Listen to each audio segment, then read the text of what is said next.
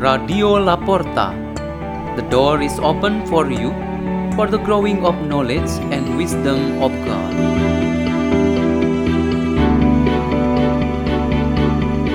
Delivered by Father Peter Tukan SDB from the Salesian community in Labuan Bajo, Indonesia.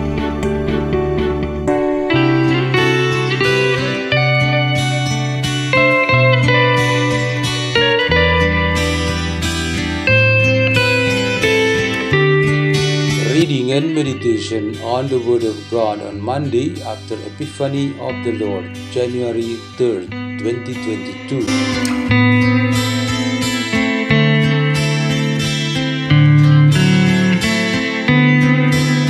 The reading is taken from the first letter of John, chapter 3, verse 22 to chapter 4, verse 6.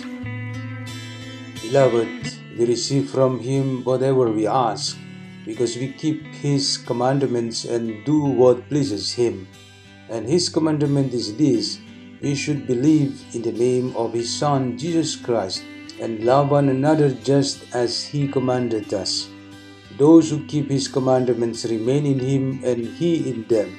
And the way we know that he remains in us is from the Spirit whom he gave us. Beloved, do not trust every spirit, but test the spirits to see whether they belong to God, because many false prophets have gone out into the world. This is how you can know the Spirit of God. Every spirit that acknowledges Jesus Christ come in the flesh belongs to God, and every spirit that does not acknowledge Jesus does not belong to God. This is the spirit of the Antichrist, who, as you heard, is to come, but in fact is already in the world. You belong to God, children, and you have conquered them. For the one who is in you is greater than the one who is in the world. They belong to the world. Accordingly, their teaching belongs to the world, and the world listens to them. We belong to God, and anyone who knows God listens to us, while anyone who does not belong to God refuses to hear us. This is how we know the spirit of truth and the spirit of deceit. The word of the Lord.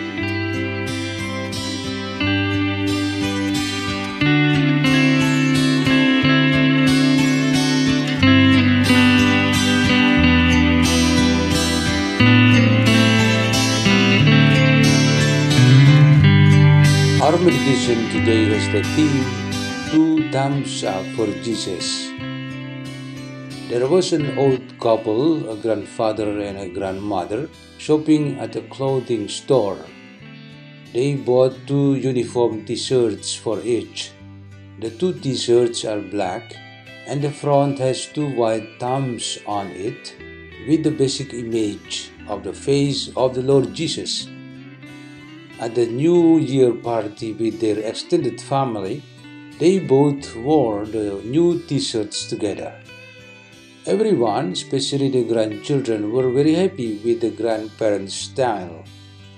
One by one went and asked why grandparents were wearing the uniform t shirts.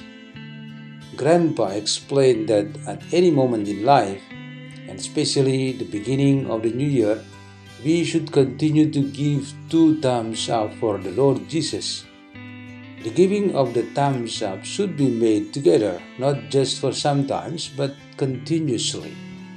We have to overcome any form of falsehood that wants to lead us astray from our faith in the Lord Jesus. Everyone in the family could feel the sound wisdom from this explanation and advice from the grandpa. If there are false prophets who usually come and sometimes later already gone, there is always discussion about it, and we can categorize it as a kind of destruction which we can accept or not. In this world, there are so many deceptions and evil influences that never stop bothering us. However, God also never sleeps. He always watches over and accompanies us with His Holy Spirit. In other words, according to St. John's first letter in today's first reading, every truth that we embrace and live by in our lives as believers comes from God. The truth that comes from God is absolute and irreversible. Jesus Christ was born more than 2000 years ago, and there cannot be another Jesus Christ. Everyone who then came after Jesus could not replace Jesus as the Lord and the Messiah. The last prophet was John the Baptist, and after him was Jesus Christ. Jesus Christ as Lord and the one who made history of this world is undeniable. The history of the universe and this world is divided into two main periods, namely before and after Jesus Christ. Based on this truth, we will come again and again to the Word of God that is proclaimed in the Gospel today, namely, the kingdom of God is with us as the essence of our life. The testimony of John the Baptist about Jesus Christ that Jesus is Lord and the Son of God is our principle of truth. From him comes all the truths that the world follows and everyone believes in. Even though this world will always bring forth new discoveries and developments, they will always be connected with the truth of the Lord Jesus Christ. Let's pray. In the name of the Father, and of the Son, and of the Holy Spirit. Amen. O Lord Jesus, make us your people who are faithful and steadfast in the truth from you. Glory to the Father, and to the Son, and to the Holy Spirit, as it was in the beginning, is now, and ever shall be, world without end. Amen. In the name of the Father, and of the Son, and of the Holy Spirit. Amen. Radio La Porta. The door is open for you.